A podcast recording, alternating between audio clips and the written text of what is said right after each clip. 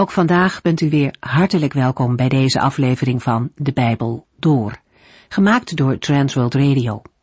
Voor meer informatie kijkt u dan op onze website transworldradio.nl. In deze serie gaat u in vijf jaar tijd met ons de Bijbel door, van Genesis 1 tot en met het laatste vers in Openbaring 22. Welkom weer. We lezen momenteel het boek Job. Tijdens het ziek zijn en de armoede van Job zijn zijn vrienden bij hem. Tenminste, dat is hun eigen idee. Ze reiken Job veel woorden aan om zijn lijden te verklaren. Maar al die woorden doen meer kwaad dan goed. Ze praten over God, maar we horen hen niet met God praten. Elifas is de eerste die van wal steekt. Hij heeft Job gecorrigeerd en gaat dan verder met het geven van advies. Als hij in Jobs plaats was, dan zou hij de zaak aan God voorleggen. Met verschillende voorbeelden geeft hij aan dat God sociale structuren verandert. Hij vernedert mensen en verhoogt mensen afhankelijk van hun daden, aldus Elifas. Naast deze straffende kant wijst Elias Job ook op Gods opvoedende kant en het nut van de beproevingen. Job moet maar dankbaar zijn voor Gods straf. Na zal een geweldig herstel plaatsvinden, zo houdt hij zijn vriend voor. Het is uitermate ongevoelig van Elifas. Zijn opmerkingen zijn op zichzelf genomen vaak wel waar. Maar Elifas laat totaal geen meeleven zien in zijn woorden. Hij begint met een passende stilte, maar dan volgt kritiek en godsdienstige logica. Uiteindelijk beroept hij zich op een openbaring om alle tegenspraak de grond in te boren. Elifas is dus ook zeer arrogant, als hij zegt dat hij zich wel tot God zou richten, alsof Job dat niet gedaan heeft. Dan besluit Elifas met de woorden dat hij uit eigen ervaring weet dat het allemaal waar is. En dus moet Job zijn stellingen wel overnemen. Elifas relativeert nergens, want hij weet precies hoe het zit. En wij zouden zeggen, hoe aanmatigend kun je zijn? Job reageert in hoofdstuk 6. Door middel van retorische vragen roept hij op om zijn verdriet serieus te nemen. En vandaag lezen we verder hoe Job zijn ondraaglijke lijden beschrijft. In de vorige uitzending maakten we een begin met het lezen en overdenken van het antwoord van Job op de reactie en raad van Elifas. Job 6, vers 15 tot en met 17. Mijn broeders zijn net zo onbetrouwbaar als een beek die stijgt als er ijs en sneeuw liggen, maar verdroogt wanneer het heet wordt. Vanaf vers 15 komt er een stortvloed van verwijten over Jobs vrienden. Hun gebrek aan loyaliteit vergelijkt Job met de bedding van een wadi of beek. Er is water geweest, maar na enige tijd weer verdwenen. Job beschrijft zijn vrienden als onbetrouwbaar. Het zijn mensen die verdwijnen als je ze nodig hebt. Job 6, vers 18 tot en met 21. Karavanen wijken van hun route af, dringen steeds verder de woestijn in, waar zij uiteindelijk omkomen. Zo hebben de karavanen uit Thema en Seba hoopvol naar water gezocht, maar hun hoop werd beschaamd. En zo is ook mijn vertrouwen in u verdwenen. Geschrokken keert u mij de rug toe en weigert mij te helpen. In de versen 18 tot en met 21 werkt Job het beeld van de stromende en opdrogende beekbeddingen of wadi's verder uit. Na de winter gaan de beken stromen en later vallen ze weer droog. Daar komt bij dat wadi's meestal moeilijk te vinden zijn. Het beeld van onbetrouwbaarheid wordt versterkt door de onvindbaarheid. Karavanen zijn bereid van hun route af te wijken om een wadi te zoeken.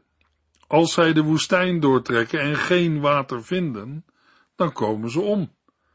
Job zegt, karavanen van Thema zochten naar de loop van de wadis en reizigers van Seba vestigen hun hoop erop, maar hun hoop werd beschaamd. Met dit beeld van een vergeefse zoektocht naar water geeft Job indirect aan dat hij vergeefs heeft vertrouwd op zijn vrienden. Na deze beeldspraak richt Job zich in vers 21 rechtstreeks tot zijn vrienden. Hij wijst erop dat zijn vertrouwen in hen is verdwenen. Zij zagen zijn ellende en werden bang. De angst van Jobs vrienden houdt in dat zij de confrontatie met zijn lijden niet aankonden en daarom met standaard antwoorden kwamen. Hiermee doen ze niet wat ze zouden moeten doen, namelijk naast hun vriend gaan staan en proberen door medeleven zijn last iets draaglijker te maken. Dat Job hun houding als schrikreactie interpreteert, laat zien hoe hij zijn vrienden ervaart. Job 6, vers 22 en 23. Maar waarom dan? Heb ik u ooit gevraagd mij een geschenk uit uw rijkdom te geven? Heb ik ooit uw hulp ingeroepen tegen vijanden en ruziemakers? Daarna stelt hij hun de vraag of hij ooit heeft gevraagd naar hem toe te komen of hem geschenken te geven. Evenmin heeft hij hun gevraagd hem uit de ellende te redden of los te kopen uit de hand van vijanden. Deze uitspraken van Job moeten we plaatsen tegen de achtergrond van het Oosterse gebruik. Dat iemand een leidende vriend hoort bij te staan en te helpen. Archeologische vondsten hebben aan het licht gebracht dat de plicht om een vriend te helpen in die tijd gelijk stond aan de plicht die iemand heeft tegenover zijn broer. Job 6, vers 24 tot en met 26. Alles wat ik verlang is een redelijk antwoord. Dan zal ik zwijgen. Vertel mij maar wat ik verkeerd heb gedaan. Het is pijnlijk de waarheid te spreken, maar uw kritiek berust niet op feiten. Gaat u mij alleen veroordelen omdat ik in een opwelling mijn wanhoop uitschreeuwde? In vers 14 heeft Job wel gezinspeeld op hun medelijden, troost en aanwezigheid. Maar Jobs vrienden waren zo geschrokken dat ze Job de rug toe hebben gekeerd. Daarom vraagt Job in vers 24 om uitleg van hun houding. Als ze hem een redelijk antwoord kunnen geven, zal hij zwijgen. Job heeft ongetwijfeld de verkapte kritiek van Elifas begrepen, waarin deze aangeeft dat onheil en ellende zijn oorzaak vindt in zonde. Daarom stelt hij zijn vrienden concreet de vraag om duidelijk te maken waarin hij dan heeft gezondigd. Vertel mij maar wat ik verkeerd heb gedaan. Job geeft Elifas de ruimte om eerlijk te zijn. Hij staat open voor een confrontatie met zichzelf. Job geeft toe dat de waarheid soms pijn kan doen, maar dan moet het wel de waarheid zijn en berusten op feiten. Job vraagt zijn vrienden en vooral Elifas, gaat u mij alleen veroordelen omdat ik in een opwelling mijn wanhoop uitschreeuwde? De woorden van Elifas berusten niet op feiten. Elifas wil Job bestraffen, terwijl hij geen rekening houdt met de woorden van een vertwijfelde en wanhopige Job. Job heeft het gevoel dat er absoluut niet naar hem wordt geluisterd. Zijn vrienden zijn ongevoelig en koud tegen hem. Job verwoordt het met de woorden van vers 27. Dat zou lijken op dobbelen om een hulpeloze wees of het verkopen van een vriend. Het was in die tijd niet ongewoon dat een wees werd verkocht, aangezien hij tot de inboedel van een huishouden werd gerekend. Ook zouden Jobs vrienden nog in staat zijn een eigen vriend te verkopen. Door zichzelf te vergelijken met een wees, drukt Job zijn kwetsbare positie uit. Ze hebben geen oog voor hem, en, als ze de kans kregen, zouden ze nog proberen beter van hem te worden. Job zelf telt niet in hun ogen. Deze beschuldigingen van Job zijn hard. Daarbij komt de vraag op of Job recht doet aan hun intenties. Toch voelt Job blijkbaar een tendens die steeds duidelijker wordt in het vervolg. In Job 15 zegt Elifas tegen Job dat hij van de toewijding van God een vertekend beeld geeft en geen ontzag heeft voor God. In Job 22 komen we soortgelijke uitspraken van Elifas tegen. Straft hij, God, je soms omdat je zo gelovig bent? Natuurlijk niet. Hij doet dat omdat je zo slecht bent. Je zonden zijn onmetelijk. Job 6, vers 28 tot en met 30.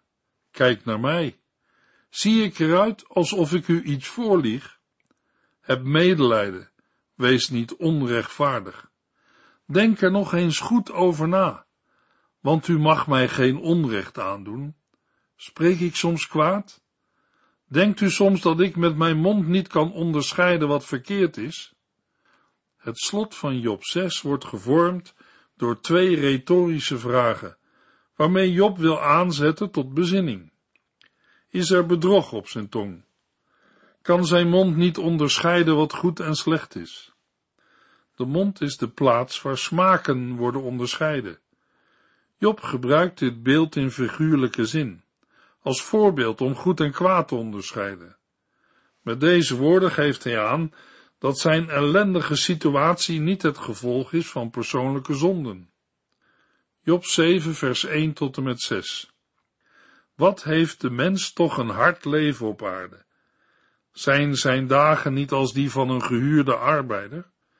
Zoals een slaaf naar de schaduw verlangt en een arbeider in spanning uitziet naar de uitbetaling van zijn loon, zo heb ik ellendige maanden moeten doormaken met lange en moeilijke nachten. Bij het naar bed gaan denk ik steeds, was het maar weer ochtend, en dan lig ik te woelen tot het weer licht wordt.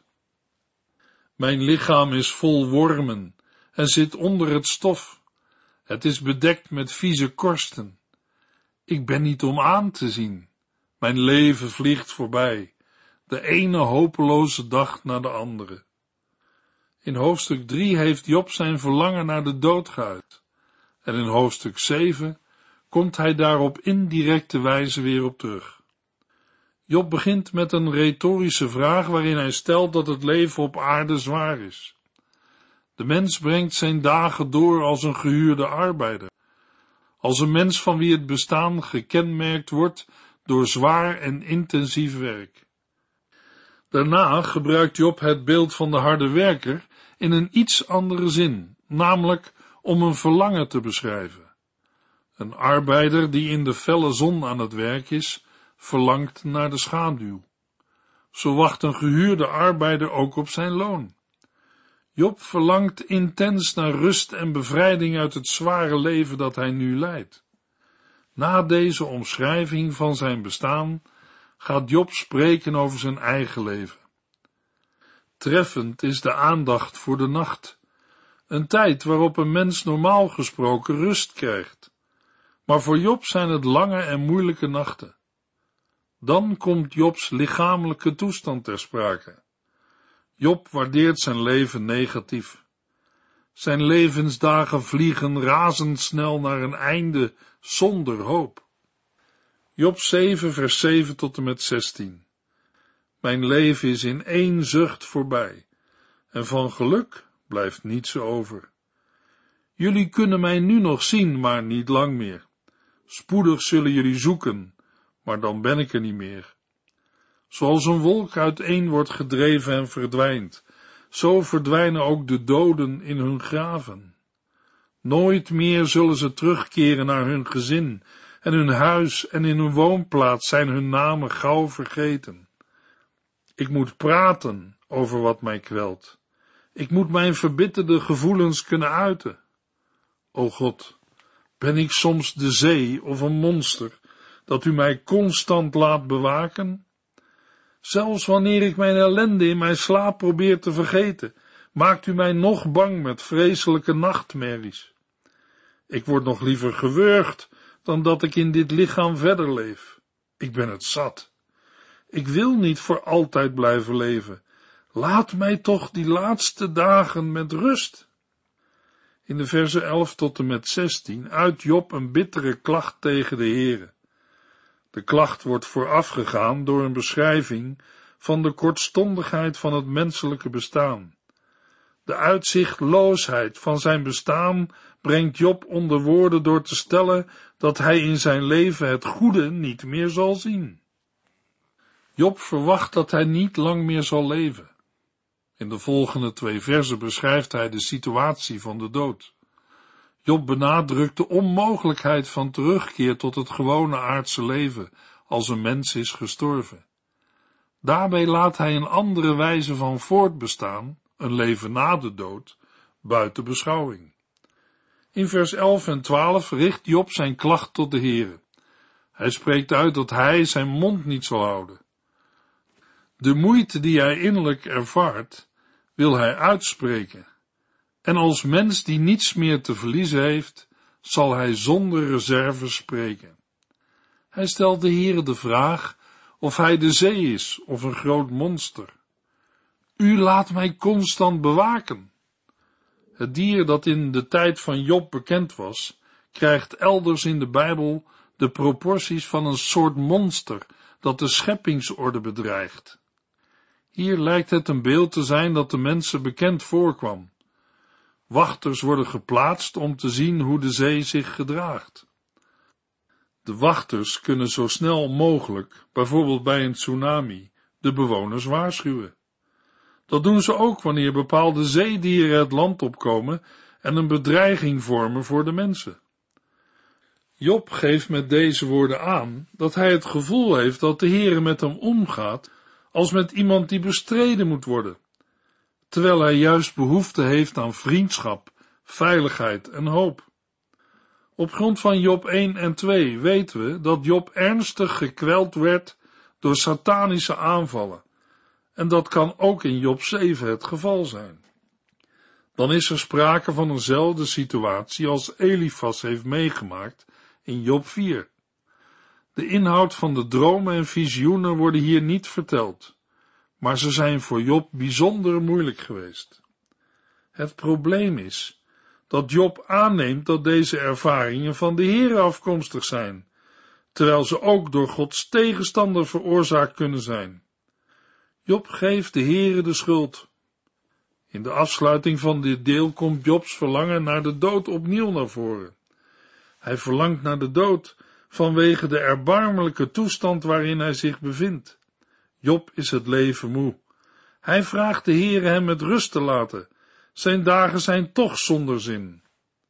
Job 7 vers 17 tot en met 21 Is een mens het echt waard dat u altijd tijd en zorg aan hem besteedt?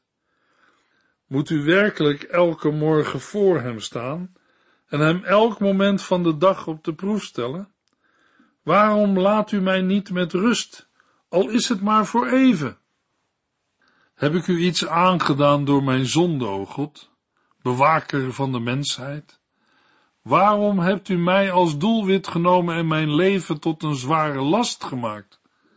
Waarom vergeeft u mij mijn zonde niet en verlost u mij niet van mijn schuld? Want als dit zo doorgaat, zal ik gauw sterven en lang uit in het stof komen te liggen. Als u mij dan nog zoekt, ben ik er niet meer. In de versen 17 tot en met 21 spreekt Job op bittere wijze tot de Heere. Job spreekt uit dat God de mens iedere morgen bezoekt en hem elk ogenblik beproeft. Dat betekent dat de Heere de mens voortdurend voor moeilijke uitdagingen plaatst. Dat de Heere ingrijpt in het geval van hoogmoedige mensen is begrijpelijk maar niet te begrijpen bij Job. Job is toch de man die geldt als voorbeeld van geloof en toewijding. En, als er toch zonden zijn, waarom vergeeft God zijn zonden niet? Daarmee geeft Job aan dat eventuele zonden van hem zo onbeduidend zijn, dat zo'n zware vergelding, die hij nu moet ondergaan, ongepast is. Opnieuw getuigt Job van zijn onschuld. Hij spreekt wel over zijn zonde, maar dat moeten we zo opvatten dat Job hier spreekt over hypothetische zonde. Hij zou ze niet kunnen noemen. Het accent ligt dan niet op de zonde van Job, maar op zijn verzoek om verlossing. Waarom blijft God zo toornig als hij ook kan vergeven? Job weet geen uitweg meer. Tot slot zegt Job dat hij spoedig in het graf zal liggen. Daarmee is Jobs reactie op Elifas ten einde. Maar zijn antwoord is veel algemener geworden en is uitgelopen op grote vragen aan de Heere. Job ervaart de Heer als zijn tegenstander. In Job 7 is de hopeloosheid van Job toegenomen en ervaart hij de Heer als degene die tegenover hem staat en hem bestrijdt. Job zal later, in Job 42, moeten toegeven dat hij daarmee totaal de plank mislaat. Ik praat over dingen waarvan ik niets weet en die ik niet begreep, dingen die veel te ver boven mijn begrip uitgaan. Job 8, vers 1 tot en met 7. Toen zei Bildad uit Suach tegen Job, Hoe lang ga je zo nog door, Job? En blaas je woorden uit als een stormwind? Wil je zeggen dat God onrechtvaardig is? Als jouw kinderen tegen hem gezondigd hebben, heeft hij hen terecht gestraft. Maar als je God oprecht zoekt en de Almachtige om genade smeekt, als jij rein en oprecht bent, zal hij opstaan, opnieuw voor je zorgen en jou je eigen plaats en woning teruggeven. Dan zal het verleden maar klein en gering schijnen, maar je toekomst zal groot zijn. Na het verweer van Job tegen Elifas neemt Bildad uit Suach het woord. Terwijl Elifas geprobeerd heeft zich op betrekkelijk zorgvuldige wijze te uiten, spreekt Bildad op een rechtstreekse manier en met scherpere toon. Dit kan verband houden met de eerder gedane verklaring dat Job de Heere ervaart als tegenstander. Gods rechtvaardigheid lijkt hier in het geding te zijn, en daarom zal Bildad de noodzaak tot een scherpe reactie hebben gevoeld. Bildad begint zijn pleidooi met een aantal retorische vragen. Hoe lang zal Job nog zo doorgaan? Hoe lang zullen de woorden van zijn mond blazen als een geweldige stormwind? Wil hij zeggen dat God onrechtvaardig is? Uit de opmerkingen over Jobs kinderen blijkt dat de vrienden gefixeerd zijn op het vinden van een verklaring voor de rampspoed van Job en zijn kinderen. Nadat dat Job op een meedoogloze wijze heeft geattendeerd op de oorzaak van de dood van zijn kinderen, spreekt hij hem persoonlijk aan. Hij roept Job op tot inkeer en berouw. Laat Job God zoeken en de Almachtig om genade bidden. Net als Elifas houdt Bildad Job de hoop op een heilrijke toekomst voor.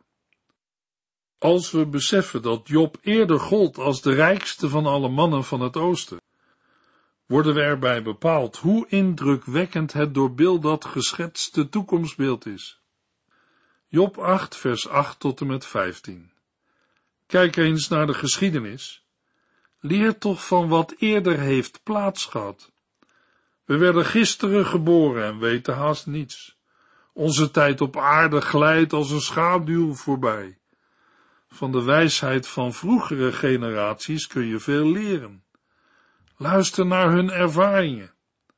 Papyrus zal zonder moeras niet kunnen groeien, net zo min als riet zonder water. Als het groen op het veld staat, verdort het sneller dan gras, nog voordat het gemaaid is. Zo gaat het ook met hen die God vergeten. De hoop van de goddeloze wordt niet gedaan. Een mens zonder God vertrouwt op een spinnenweb. Alles waarop hij steunt, stort onder hem ineen. Als hij veilig denkt te zijn in zijn huis, stort het in ter onderbouwing van zijn stelling dat de Heere rechtvaardigen beloont en onrechtvaardigen bestraft, doet Bildad een beroep op vroegere generaties. Een dergelijk teruggrijpen op de traditie zijn we nog niet tegengekomen. Bildad onderbouwt het belang van de wijsheid van vroegere generaties door te wijzen op de beperktheid van een mensenleven. Hij stelt het geheel van overgeleverde inzichten tegenover de beperkte wijsheid die een mens gedurende zijn eigen leven op grond van ervaring en denkwerk kan verwerven. Bildad zegt mooie dingen, maar gelijktijdig slaat hij de plank mis door Job in zijn lijden niet serieus te nemen. Voor hem is de oplossing gelegen in het toepassen van kennis. Bildad mist invoelingsvermogen. Hij wil Job het zwijgen opleggen. Na zijn betoog over het belang van de traditie noemt Bildad voorbeelden uit de natuur om Job te overtuigen. Met deze voorbeelden geeft Bildad aan wat het lot is van degene die God vergeet. Job 8, vers 16 tot en met 22. In het zonlicht lijkt hij krachtig en vruchtbaar als een groene plant. Zijn takken spreiden zich uit over de hele tuin. Zijn wortels houden zich stevig vast aan een hoop stenen en wringen zich tussen stenen door. Maar als de plant van zijn plaats wordt weggerukt, wordt hij daar niet eens gemist. Dat is alles wat hem te wachten staat. Een andere plant groeit op en neemt zijn plaats in. Begrijp het dan toch. God verwerpt een oprecht man niet en evenmin geeft hij voorspoed aan boosdoeners. Eens zal hij jouw mond weer laten lachen en je lippen zullen weer van vreugde juichen. De mensen die jou haten zullen met schaamte worden vervuld en de goddelozen zullen worden vernietigd. In dit hoofdstuk worden we geconfronteerd met het eerste optreden van Bildad. Net als Elifas praat hij langs Job heen. Hij wijst op het belang van vast omschreven denksystemen en op de overleveringen van de voorvaders. In zijn gesloten denkmodel waant hij zich veilig. Maar Bildads redenering raakt de kern van het probleem niet. Paulus stelt in 1 Corinthians 1 en 2 dat wijsheid van mensen beperkt is en dat het nodig is Gods wijsheid te leren kennen. Want uw geloof moet niet gebaseerd zijn op menselijke wijsheid, maar op kracht van God. In de volgende uitzending lezen we Jobs antwoord op de woorden van Bildad in Job 9 en 10. U heeft geluisterd naar De Bijbel Door, in het Nederlands vertaald en bewerkt door Transworld Radio. Een programma waarin we in vijf jaar tijd de hele Bijbel doorgaan. Als u wilt reageren op deze uitzending of u heeft vragen, dan kunt u contact met ons opnemen. Tijdens kantooruren kunt u bellen op 0342 47 8432. 0342 47 8432. Ook kunt u een e-mail sturen naar de en natuurlijk kunt u ook via de post ons bereiken. TWR, postbus 371, postcode 3770, AJ in Barneveld. Dit programma werd gepresenteerd door Cor Weda en Ike André. Techniek was in handen van Odin van Voerkom. En wij allemaal bedanken u voor het luisteren. Graag tot de volgende keer.